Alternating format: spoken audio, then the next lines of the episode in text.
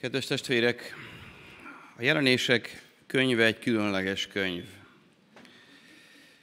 Valaki úgy fogalmazott a Biblia kutatók közül, hogy ez apokaliptikus nyelv, ez nem olyan hagyományos, és kell egy tolmács, kell a Szentlélek tolmácsolása, hogy megérthessük.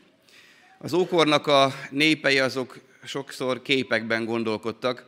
Tudjuk Jézus tanításairól is azt, hogy ő is sokszor a mennyei igazságokat képek által, földi élet képeivel, természeti jelenségekkel az ember eh, földi életének különböző mozzanataival próbálta megértetni a példázatok kapcsán. De az apokaliptikus nyelv mégis más. Ettől egy kicsit eltérve láthatjuk a képeket a jelenések könyvében, hiszen a földi élettel sokszor nem összeegyeztethető képeket tárul elénk, olykor szimbóliumuk formájában a jelenések könyve szájból kijövő kétélű kard, éles kétélű kard, népek tengere, sáskalovagok, és lehetne sorolni, amelyek olyan furcsának és érthetetlennek tüntetik fel előttünk az üzenetet. Ez viszont egy jövőre vonatkozó profétikus könyv. A hét kisázsiai gyülekezetnek írott levél is tulajdonképpen a gyülekezetekről, az akkori gyülekezeteknek a helyzetét, aztán lehet azt mondani, hogy az egyház történelem során kialakult keresztény gyülekezeteknek, felekezeteknek, egyházaknak a helyzetét, a képét tárja elénk, de itt válik csodálatossá, hogy a, a mai gyülekezeteknek az állapotát is megmutatja. Igaz az, hogy Isten igéje élő és ható és eleven. Nem szeretnék olyan sok dolgot mondani, de annyit hadd mondjak el, hogy tulajdonképpen a jelenések könyvének az elsődleges szerzője maga Jézus Krisztus. Másodlagos szerző pedig János, aki tudjuk nagyon jól, hogy körülbelül Krisztus után 95-ben Domiciánus császár ideje alatt, mikor nagy üldözések voltak, írhatta meg ott Pátos szigetén a számüzetésben, ott a csendben a levelet. Isten látomást adott néki. Nagyon érdekes, mert ez a másodlagos szerzőség ez fontos, hogy lássuk. És ennek van egy mai aktuális üzenete is. És hadd mondjak el egy egészen friss bizonyságot, gondolatmenetet ezzel kapcsolatban. Nem olyan régen az ifjúsággal a konferenciának a promó videóját néztük, csináltuk meg. És egy sütörtök este összegyűltünk itt, és akkor a rendező az hozta az utasításokat, és megkért engem is, meg egy pár fiatalt, hogy vegyünk részt ebben. Tettük a dolgunkat, és amikor megláttam először a videót, akkor szembesültem azzal frissen, úgy át sem gondoltam, mikor eh, forgattuk ezt az egészet, hogy milyen mondatok hangoznak ott el. Van, aki a teljel foglalkozik az Isten tisztelet közben, van, aki a Facebookot nézegeti, van, aki, van, aki azt mondja, és itt fiatal testvéremre hárult ez a feladat, aki itt velem szembe ült, hogy pont ő beszél. Én hirdettem az igét, és megszólalt ez a hang. Jön az első emberi gondolat. Hát ez tök kellemetlen, bocsánat a kifejezésért. Hát ez, ez, ez tekintélyromboló. Hát hogy van ez? És amikor készültem, akkor futott rá rajtam ez a gondolat, hogy igen, talán most is érezheti valaki ugyanezt. És mennyire fontos, hogy a másodlagos szerző, aki hirdeti, aki továbbadja, az tényleg legyen tiszta és az Isten kegyelméből az Úr előtt, de akkor is méltatlan emberek vagyunk. Méltatlan vagyok én is, hogy kiálljak ide a szószékre igét hirdetni.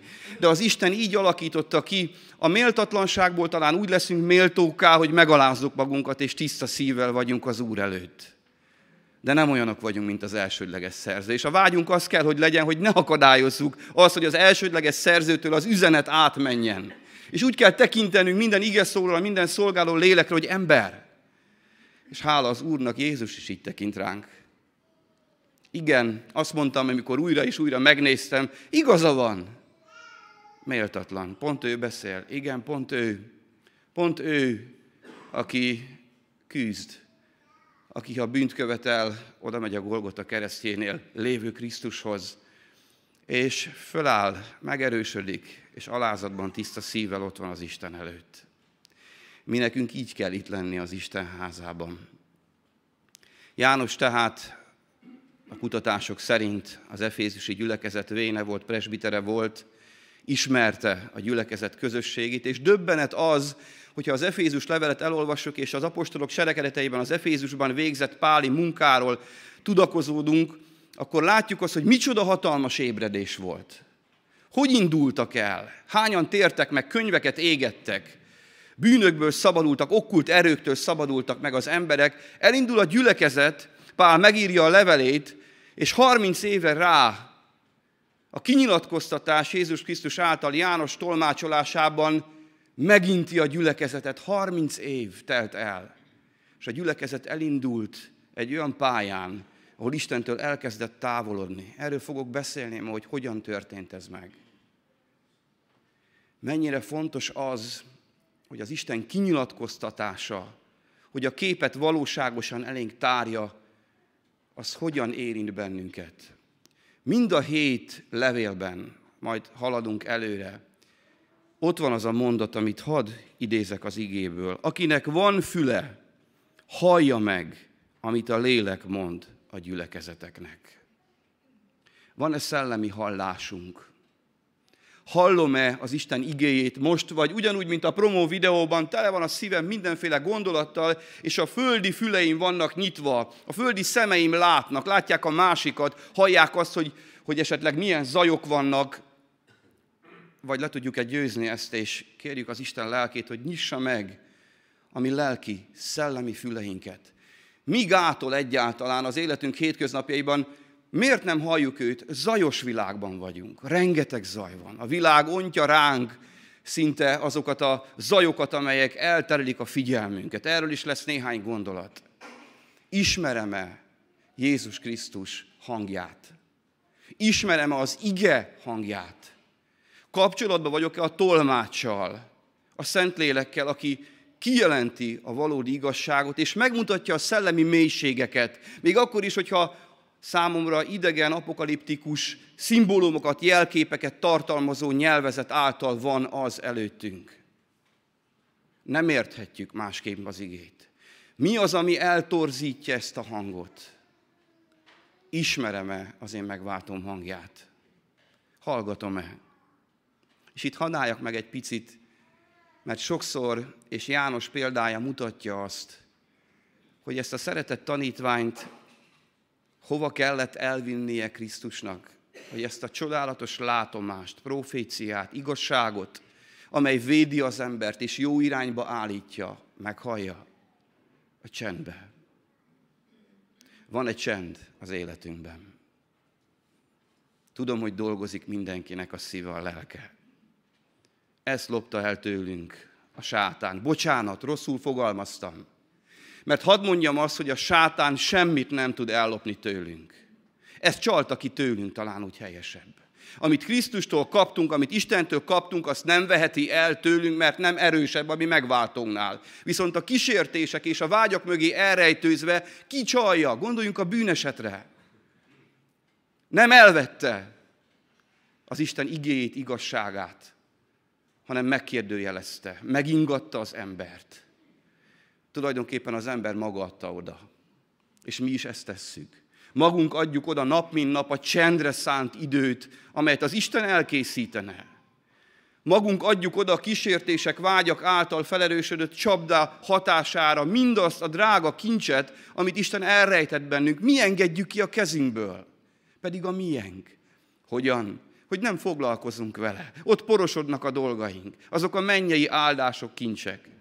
És a sátán pedig úgy tünteti föl, mint hogyha nekünk nem lenne fontos az, és mi hiszünk neki. A hazugság atya kicsalja a dolgokat, de mi döntünk így, a felelősség a milyen testvérek. Mi engedjük ezeket a drága dolgokat, kincseket ki a kezünkből.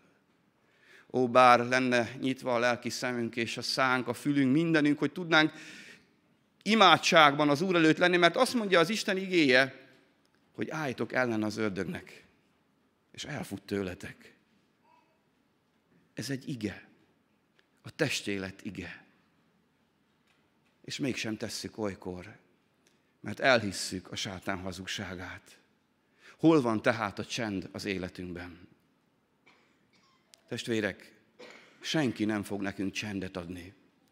Azt magunknak kell eldönteni, annak a feltételeit, körülményeit magunknak kell megteremteni, hogy csend legyen az életünkben. Hogy hol, nem tudom. Hogy egy kismama, aki a gyermekével küzd nap, mint nap, és a kialvatlanság vesz erőt rajta, vagy egy idős testvér, aki fájdalmak miatt nem tud éjszaka pihenni, vagy egy munkában lévő ember, aki dolgozik, hogy annak az életében hol lehet meg a csend, én ezt nem tudom.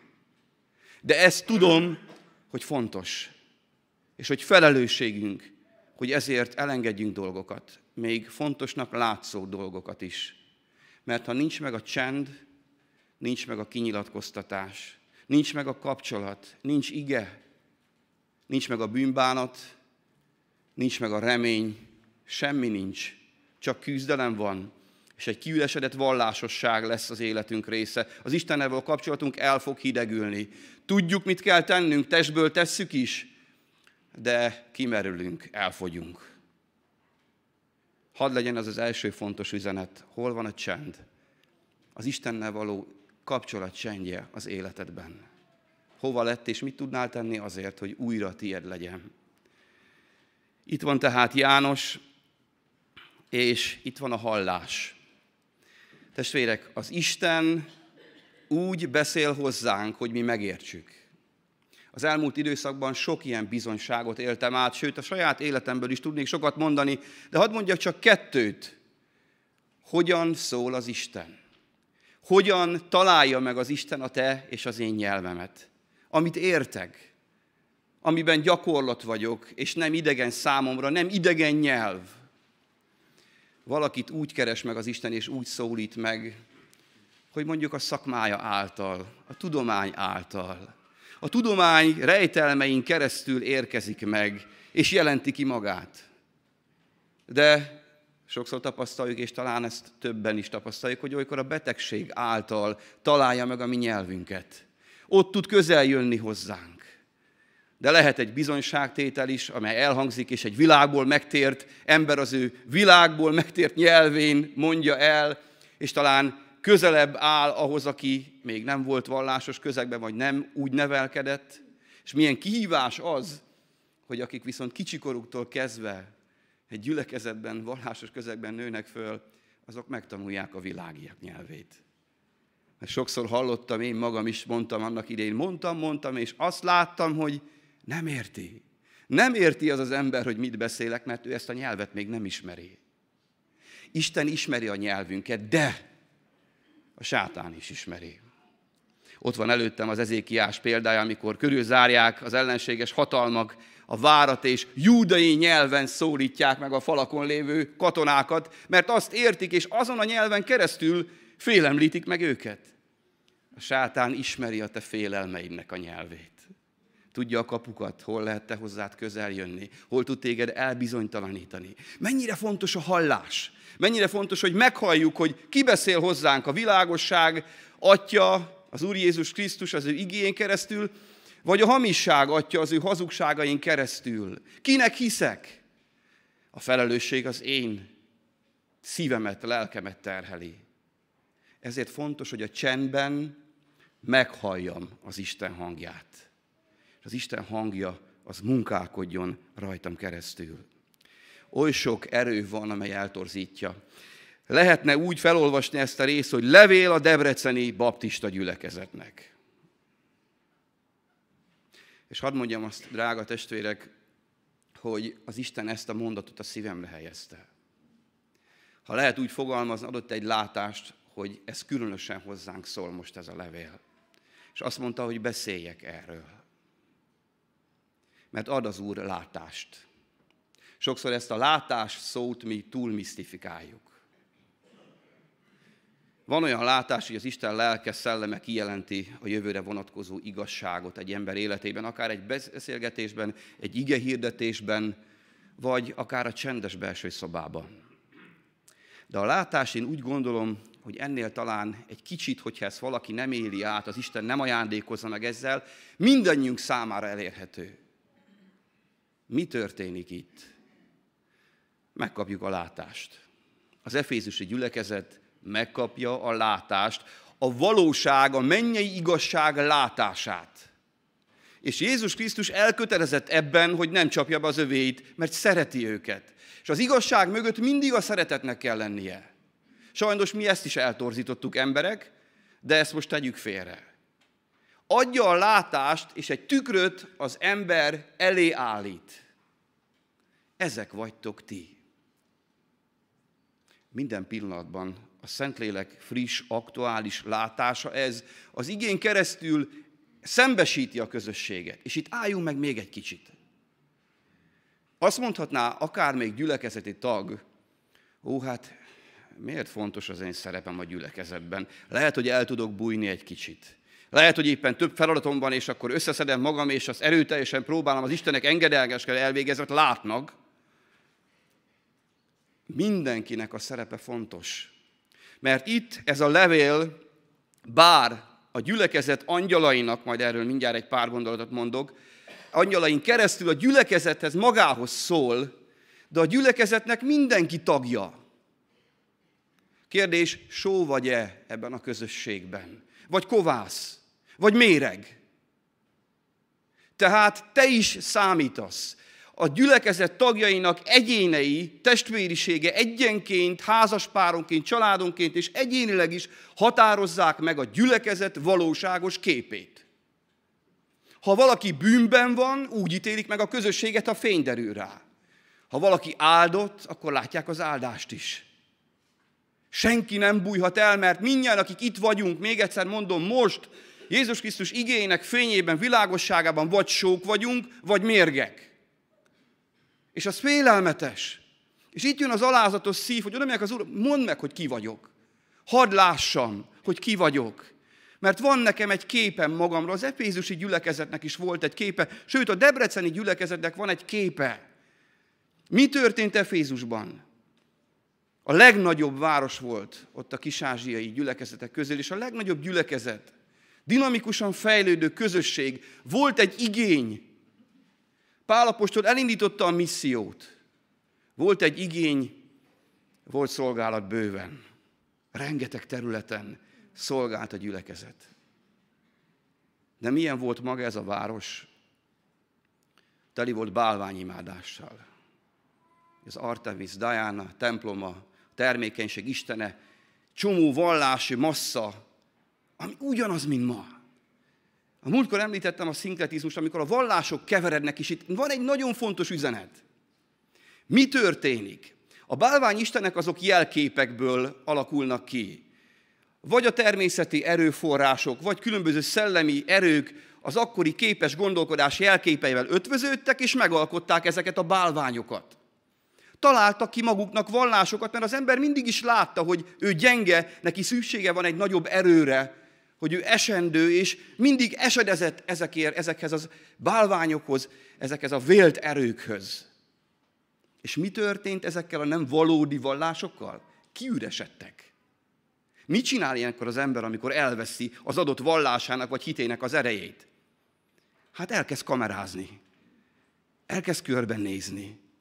És elkezd szemezgetni. Hopp, ott úgy tűnik abban a másik vallásban van valami, amit ötvözi tudnám az enyémet, újra fel tudnám egy kicsit frissíteni és motiválni tudnám. És így a vallások szépen összekeveredtek. És mindig azon voltak az emberek, hogy megpróbálták feltuningolni valami újszerű gondolattal, a görögök ez kiváltképpen jellemző volt, a saját meglustult és kiüresedett hitüket, vallásukat. És alakult ki egy komplet bálványimádás és Efézusban ez tombolt. Emellett még ott volt a császár kultusz is. Ott volt a pár, paráznaság, ott volt a fertő, a bűn mocsara volt ebben a városban. És ott volt a gyülekezet, aki ebben élt. És ez a fertő, és ez, ami ma is ránk árad, akár a vallásos része is, mert nézzük meg, nem akarom ismételni önmagam, de az elmúlt időszakban beszélgettünk el, hogy hogyan lesz keresztényekből is bálványimádó. Amikor az Istennel való kapcsolat megszűnik, vagy eltávolodsz, mert nincs csend, vagy nincs teljes szeretet, akkor muszáj valahogy produkálnod, hogy tartsd a szintet, hogy felfrissítsd, a te elképzelt vagy bálványimádó keresztény vallásodat, Muszáj tartani a szintet, muszáj belekapni egy kis természetgyógyászatba, muszáj belekapcsolni egy kis New Age-be, és lehetne sorolni. De már ott te veszed kezedbe az irányítást, és Istentől távolodsz. 30 év testvérek. Az Efézus levelet, ha megnézzük, csodálatos levél. Isten Jézus Krisztus szeretetéről tesz bizonságot, és arról, hogy az a szeretet hogyan öleli az ő népét, az ő gyermekeit körbe. És mégis mi lesz a gyülekezetből? 30 év. Elkezd távolodni. Mert ez a fertő, ez hatással van ránk. Jézus nem akar kiragadni bennünket a világból, de ha mi ezzel nem számolunk, hogy itt vagyunk ebbe a mocsárba belesüppedve, itt kell tisztán tartani magunkat, kísértésekkel szembenézni, akkor nagy bajba keveredünk. Úgy járunk, mint az efézusi gyülekezet. Milyen hármas hatással volt Efézus városa, az ott lévő bálványimádó kultusz és a bűn mocsara az efézusi gyülekezetre. Először is egy nagy városban, ahol zajlik az élet, a figyelem nagyon könnyen elterelődik a lényegről, magáról az Istenről. A sátán ott támadta meg a gyülekezetét, és ma is minket ott támad meg, hogy szétszórja a figyelmünket. Gondolj bele, testvérem, hány dologra kell figyelmed az el, egy, egy héten, vagy egy nap. Szétszórja a figyelmét a gyermekeknek, a tanítványoknak. Nem tudsz fókuszálni Krisztussal. Ez az első. A második dolog tulajdonképpen megkísért. Meg kell küzdened azokkal a hatásokkal, amik a világból ömlenek rád. Azokkal a képekkel, azokkal a vágyakkal, kívánságokkal. És lehet, hogy harcolsz, de fogy az erőd. Elvonja az erődet attól, az igazán fontos dologtól, ami az Istennel való kapcsolatba kellene, hogy bele legyen fektetve. A harmadik dolog pedig, ez is az első kettővel összefügg, hiszen az első kettő mit csinál? Elveszi az erődet, fáraszt téged, szétszórja a figyelmedet. A harmadik az, hogy az igét olvasod, ismered az igazságot, és tudod, hogy hol jön be a bűn az ember életébe, meg a közösség életébe, és először harcolsz érte, de annyira fáradt vagy, hogy már nem tudod tartani ezt a, ezt a harcot. És előbb-utóbb elfáradva sokszor megalkuszol.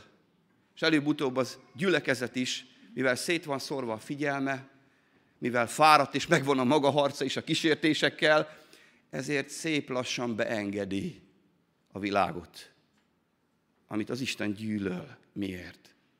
Mert tudja, hogy rajta keresztül fogod, fogja a sátán kicsalni tőled azt, ami fontos. Ezekkel meg kell küzdeni. Meg kellett küzdeni Efézusban, de meg kell küzdeni ma is. És a gyülekezetre ezek hatással vannak. Csia Lajos úgy fogalmaz, hogy Krisztus valóságos képe, a látás, az a gyülekezet elé kerül. A gyülekezet még ezt nem látja, hiszen munkában van, van feladat. Szolgálati területek sokasága van. Minden területen szolgál az Isten népe. Van rá igény, és az igényhez alkalmazkodik a gyülekezet. De valami történik ott mélyen, fogy az olaj. A Szentlélek olaja. És amikor a gép a fogaskerekek között fogy az olaj, az még működik, megvan a kenés is, de már az Isten látja, hogy itt baj lesz. És ezért szól, ezért adja a látást. Még egyszer mondom a látás olyan formáját, hogy nézd meg, hogy állsz. Nézd a tükörbe. Ne csukd be a szemed, ne fordítsd el az arcod, nézd a valóságot, akár tetszik, akár nem, és légy éber, légy résem fogy az olaj. Miért? Mert az Istennel való kapcsolatot sérül. Nincs csend az életedben, nincs közösséged az Istennel, a szeretet forrásától eltávolodtál. Magamra ismertem, magadra ismersz. Csal az ördög az Istentől, még a szolgálattal is. Ó, micsoda felelősség! A gyülekezet hangjai, a hallás, a szellemi hallás vagy a testi hallás, amikor mondjuk itt van Debrecen városa, rengeteg feladat van, itt vannak az iskolák, az egyetemek, itt vannak a munkahelyeink, mindenütt, várják a Krisztus népét, a bizonyságtevő ajkakat, menjünk! Kötelességünk. De kik menjenek? Akiknek szét van szórva a figyelmük, a saját karrierjük, a világi boldogulásukra és sok, sok más családi, meg magánleti teher alatt roskadva, akik kísértésekkel harcolnak. Mert ha bár lehet, hogy kiáll ide szolgálni, de lehet, hogy éppen súlyos bűnök vannak az életében, és azzal küzd, és az energiái elemésztődnek azon a területen, hogy egyáltalán megálljon, tiszta tudjon maradni. Ezek menjenek? Micsoda erős harcos tábor! Fiatalok, tüzesek, megtérnek. Sózzuk meg őket szolgálattal. Nem számít, hogy nincsenek felkészülve. Ég a tűz bennük. Hadd menjenek. Hadd vesszenek. Tudjátok, testvérek, milyen ez? Amikor puskagolyó fogónak kiküldték azokat az embereket ott a fronton, akik nem számítottak. Hol vannak a fiataljaink? Nem ebben törtek meg. Nem hamis útmutatást kaptak, nem rossz látást kaptak. Föl voltak készülve arra, hogy nekik menni kell ki a világba, megküzdeni az ördöggel. Hol vannak? A legnagyobb bűn, amikor az igény alakítja a gyülekezetnek az elhívását, nem pedig az Isten adja meg. Nem pedig az Isten előtt veszik át az emberek a térdeiken, hogy ne lehetne Debrecenben missziók tömkelegét kezdeni? Az Isten nagyon erőteljesen rám helyezte ezt az üzenetet, testvérek. Lehet, hogy valakinek nem tetszik, de akkor is az Istentől kijelentve mondom, mert tőle kaptam. Felelősségünk van. Óriási felelősségünk van. Nem golyófogóknak térnek meg a fiatalok, de az idősek se, meg a munka alatt roskadók se. Az Isten következő látást adja ma Debrecen gyülekezetnek, a baptista gyülekezetnek. Megdicsérlek benneteket, mert szolgáltok. Teszitek a dolgotokat. Sok területen helytáltok. De egy panaszom van ellenetek. Az első szeretetet elhagytátok. Testvérek, kell a lélekmentés. Én, én mondom ezt, aki ugyanúgy átéltem ezt, és a misszió volt egész életemben a legfontosabb számomra. De a missziót elhívott, felkészített emberek kortól függetlenül végezhetik. Arra pedig idő kell. Arra pedig ott az Istennel való közösségben lehet felkészülni. Ott az első szeretet kapcsában, az Isten előtt a csendben átvenni az elhívást, megerősödni. Az a panaszom ellenet, hogy az első szeretetet elhagytad. Ó, először, mikor ezt a mondatot hallottam, azt hittem, hogy amikor megtértem, az a rajongás kell most is. Az az első szeretet, de hát hogy ne lenne rajongás testvérém a szívünkben, és nem tudom, hogy van-e valaki megtérés előtt, vagy harcol a szívében. De ilyenkor mindent odad az Istennek, hiszen megkötözött állapotban van, hiszen bajban van, ránehezednek a bűnei, betegséggel vagy gyászsal küzd. Hát hogy ne fókuszálna teljesen az Istenre? Hogy ne adna mindent oda? Az idejét, az imádságait térden állva, az egész teljes lényét, hogy nem menne az Istenhez, Jézus Krisztushoz teljes erőből, elméjéből, szívéből, lelkéből, hiszen szükségben van. Az első szeretet nem ezt jelenti. Nem ezt a rajongást jelenti. És ezt nem is várhatjuk talán ilyen energiával, mert annak ott volt, akkor az volt az első szeretet, hogy megértettem, hogy Jézus Krisztus megszabadított. De akkor ott voltam, mert kényszerbe voltam. És amikor már az úré vagyok, és ezért fontos a tanítványozás, hogy az Isten igény tanulmányozza minden korosztály gyülekezetben, mert olyankor egy kicsit kiengedünk, amikor olyan rendben van minden körülöttünk. Már nincs meg bennünk az a vágy, az a tűz, hiszen jó helyen vagyunk. Az Úr kezében vagyunk. Még egyszer mondom, nem azt jelenti az első szeretet, hogy olyan tűzzel ott, a megtérésem tüzével legyek az Isten előtt. Két dolgot jelent az ige értelmezés alapján, hogy én megértettem. Az egyik az, hogy a szeretetem osztatlan Krisztus felé. Ő a legfontosabb. Ő van az életem trónján. Ő határoz meg mindent, a hétköznapjaimat, a gondolkodásomat, az értelmemet, a lelkemet, a szellemet. Ő az első. Neki adok oda mindent. Ő határozza meg a döntéseimet, belőle fakad minden az identitásom. És itt egy kicsit hadd vissza, identitás. Miből fakad az identitásod? Lehet, hogy a szolgálatból. És milyen veszélyes, Hadd mondjam megint csak a fiatalokat, vagy a megtérőket. Miért jön egy fiatal az ifjúsági alkalomra? Sok mindenért jöhet, de egy dolog biztos van a világból. A világban kigúnyolják. A világban nem tud érvényesülni, főleg, hogy olyan személyiség tulajdonságai vannak. A világban sebeket szerez és fájdalmakat, és semmiben nem nézik. Vagy addig nézik valami, amíg érdekük függődik a kortárcsoportnak hozzá. Bejön egy keresztény gyülekezetbe, tágra nyílik a szeme és a szíve, és azt látja, hogy itt nem csúfolnak ki.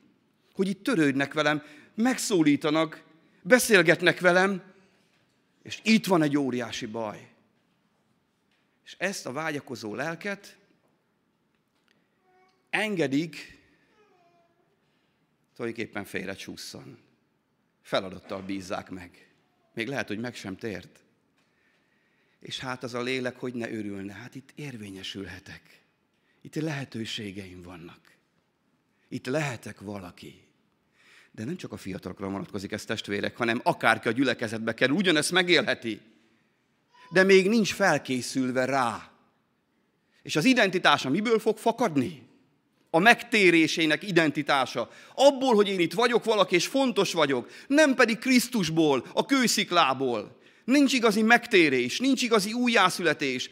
És az ember elindul úgy, és hamisan támogatja akár egy közösség is, azt hiszi, hogy az ő identitása Krisztusból fakad. Közben meg nem.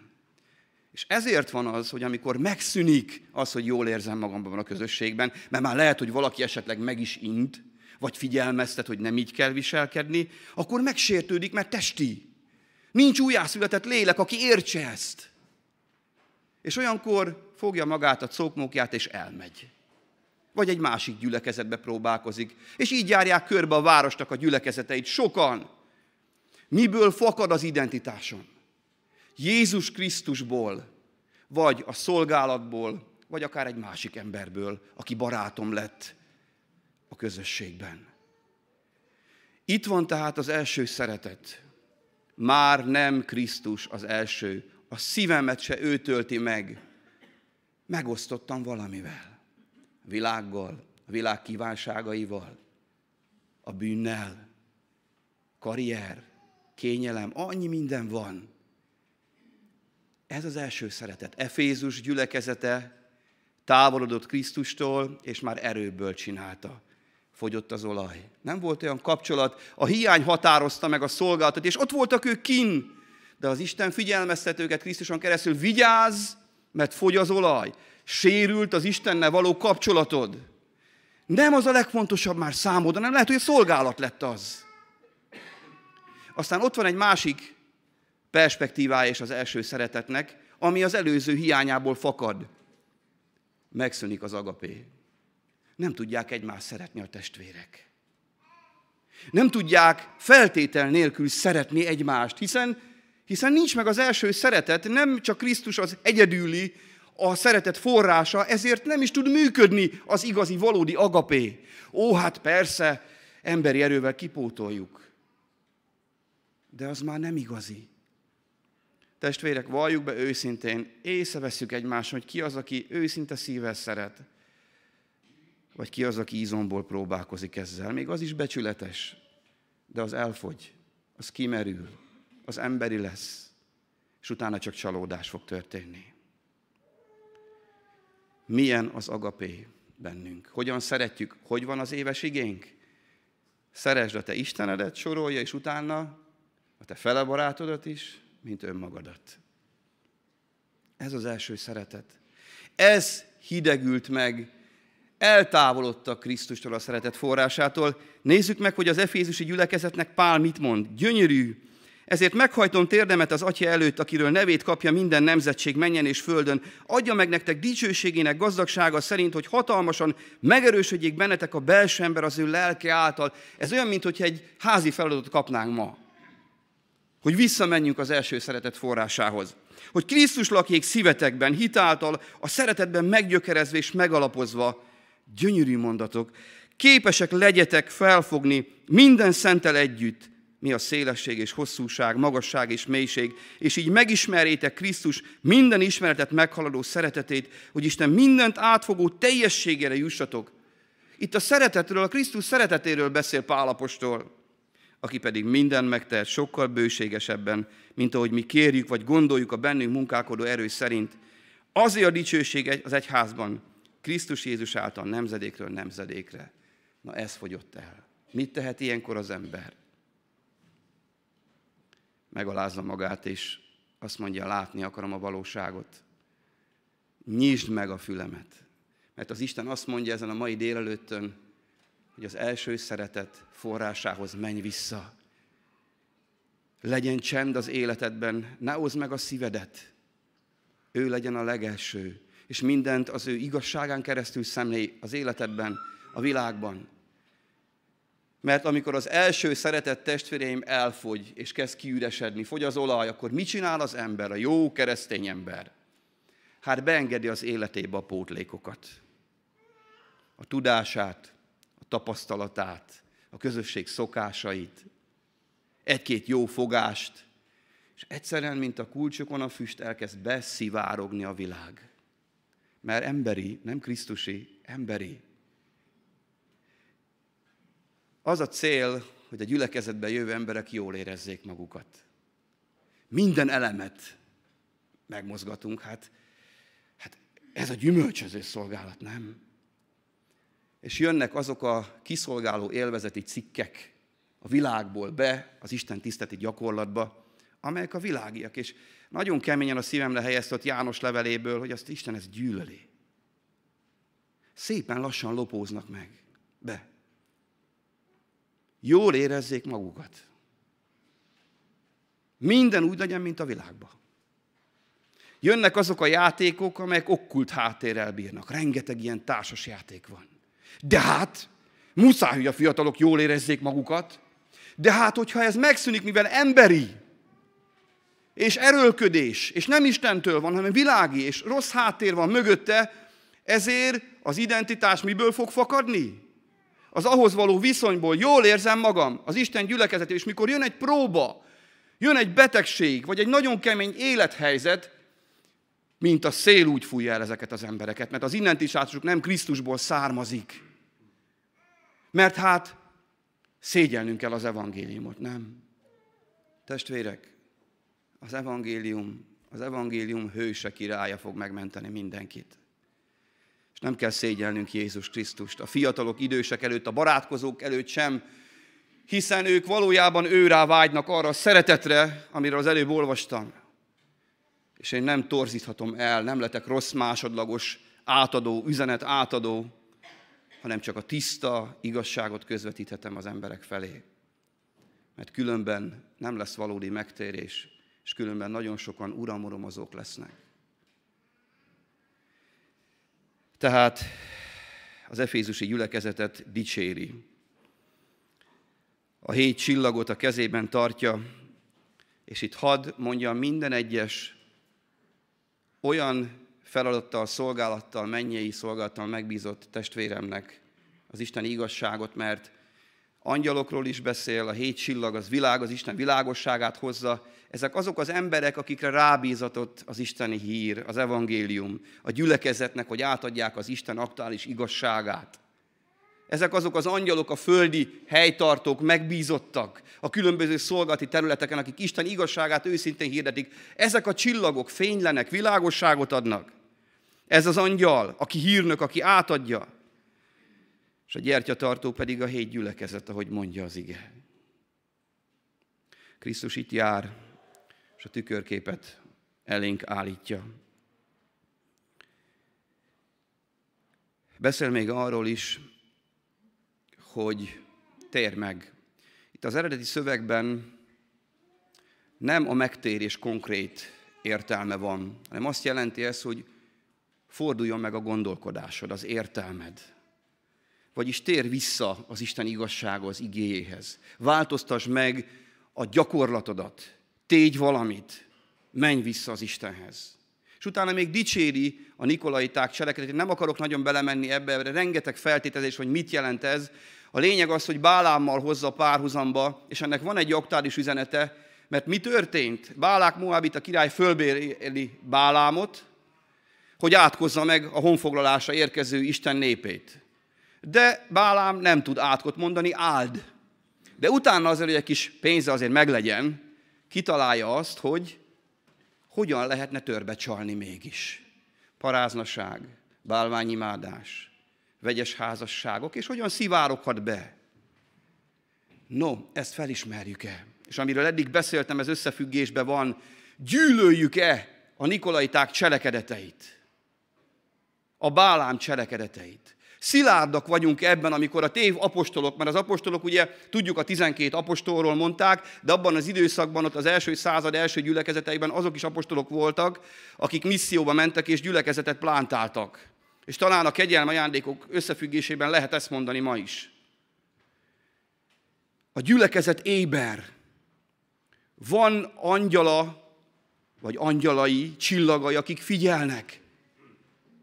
És itt hadd tereljem arra a figyelmet, hogy hogyan szivároghat be a tévtanítás ma az internet világában. Ó, hát viszkető fül bármit meghallhat. Figyelnünk kell. És az Isten elvárja tőlünk, hogy az apostoli tanításhoz ragaszkodjunk. És amikor tévtanítással kerülünk szembe, akkor bármilyen kemény fegyelmezzen a gyülekezet.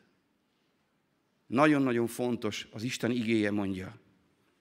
Tehát változzunk, forduljunk meg a gondolkodásunkban, értelmünkben, és hadd zárjam újra azzal, akinek van füle, hallja meg, mit mond a lélek a gyülekezeteknek.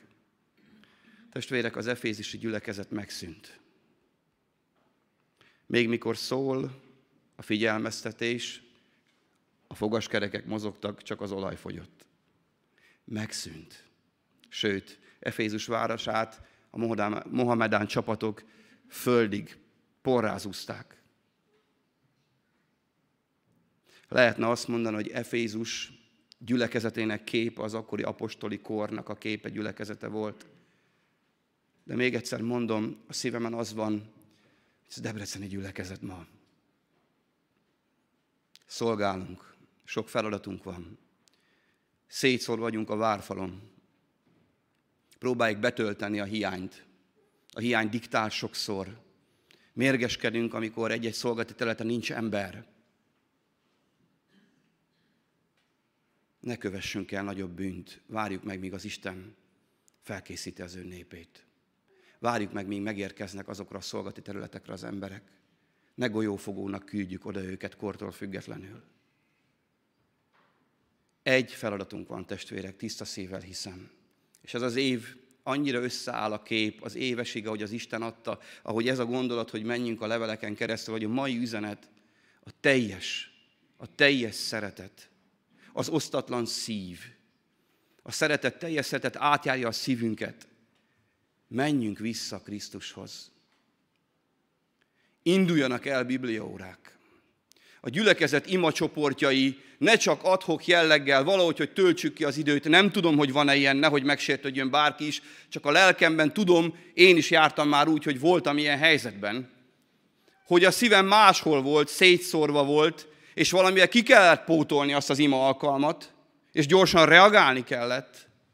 Nem méltó a mi Istenünk erre, hanem arra méltó, hogy komolyan vegyük őt. Induljon el a tanítványozás olvassátok testvérek az igét. Imádkozó emberek jöjjenek el a gyülekezetből, legyetek a térdeiteken, legyen fontos az Isten igéje, mert különben, amikor jön a jelenések könyvének beteljesedő profécia, amikor gyorsulnak az események, mint a vajúdó asszonynál, és ezt látjuk, akkor ne fújjon szét bennünket a szél, ne legyenek vesztesek, ne legyen az ördög győztes, hanem legyenek olyan kemény, krisztusi szeretetben meggyökerező, belső emberük által vezérelt katonái, harcosai a Krisztusnak, akik bírják a támadásokat, akik bírnak terhet hordozni, akik bemernek menni a világba, és hirdetik az Isten igéjét, akik erősek lesznek Krisztusban. Samári asszonynak mit mond Jézus? Most, most van itt az idő. Én ilyen imádókat keresek. A döntés Efézusnál volt. A döntés az efézisi gyülekezetnek a tagjainál volt. Só vagy, vagy méreg? Akarsz-e Krisztushoz újra visszamenni? Akarod az első szeretetet, hogy átjárja a szívedet az ő közelében? Dönts és cselekedj. Mert különben kimozdítja a gyertyatartóját egyén életében is, és a gyülekezet közösségében az Isten. Aki győz, annak enni adok az élet fájáról, ami az Isten paradicsomában van. Drága testvérek, Jakab apostol így figyelmezteti az övéit és minket is. Ezért tehát vessetek el magatoktól minden tisztátalanságot és minden gonoszságot, és szeliden fogadjátok a belétek oltott igét, amely meg tudja tartani lelketeket. Legyetek az igének cselekvői, ne csupán hallgatói, hogy benne csapjátok magatokat. Mert ha valaki csak hallgatója az igének, de nem cselekszi, olyan, mint az az ember, aki tükörben nézi meg az arcát. Megnézi ugyan magát, de elmegy, és nyomban el is felejti, hogy milyen volt. Az efézusiak elfelejtették. Tiszta szívvel hiszem, hogy ma is, és minden vasárnap azért szól ebben a gyülekezetben az ige, hogy akik itt vagyunk, mi ne felejtsük el és tiszta szívvel hiszek, és mindent megteszek térdeimen is, ami rajtam áll, és várom a többi testvéremtől, legyünk egyek ebben, ebben az elhatározásban, ebben az évben, hogy menjünk vissza az első szeretet forrásához, és tegyük azt, amit kér tőlünk az Isten. És testvérek, így egy boldog életet élhetünk. Így gyógyulások lesznek az életünkben, megerősödünk, és tényleg úgy mehetünk ki a világba, hogy Jézus Krisztus küld bennünket erővel, és hatalommal. Mert sokszor a vágy ott van, hogy erővel és hatalommal tegyük. De ez az ok, hogy nem megy. Nem osztatlan a szív. És Krisztustól eltávolodott az ő népe. Jöjjünk most az Úr elé, és azért imádkozzunk, hogy az első szeretet forrásához vissza tudjunk menni, tudjunk megerősödni, és a gyülekezet éljen, virágozzon, gyümölcsözzön, nem a saját maga dicsőségére, hanem Jézus Krisztus dicsőségére. Csendesedjünk most el, és csendben válaszoljunk az igére, magunkban imádkozva, és egy kis idő után hangosan imádsággal fogunk befejezni.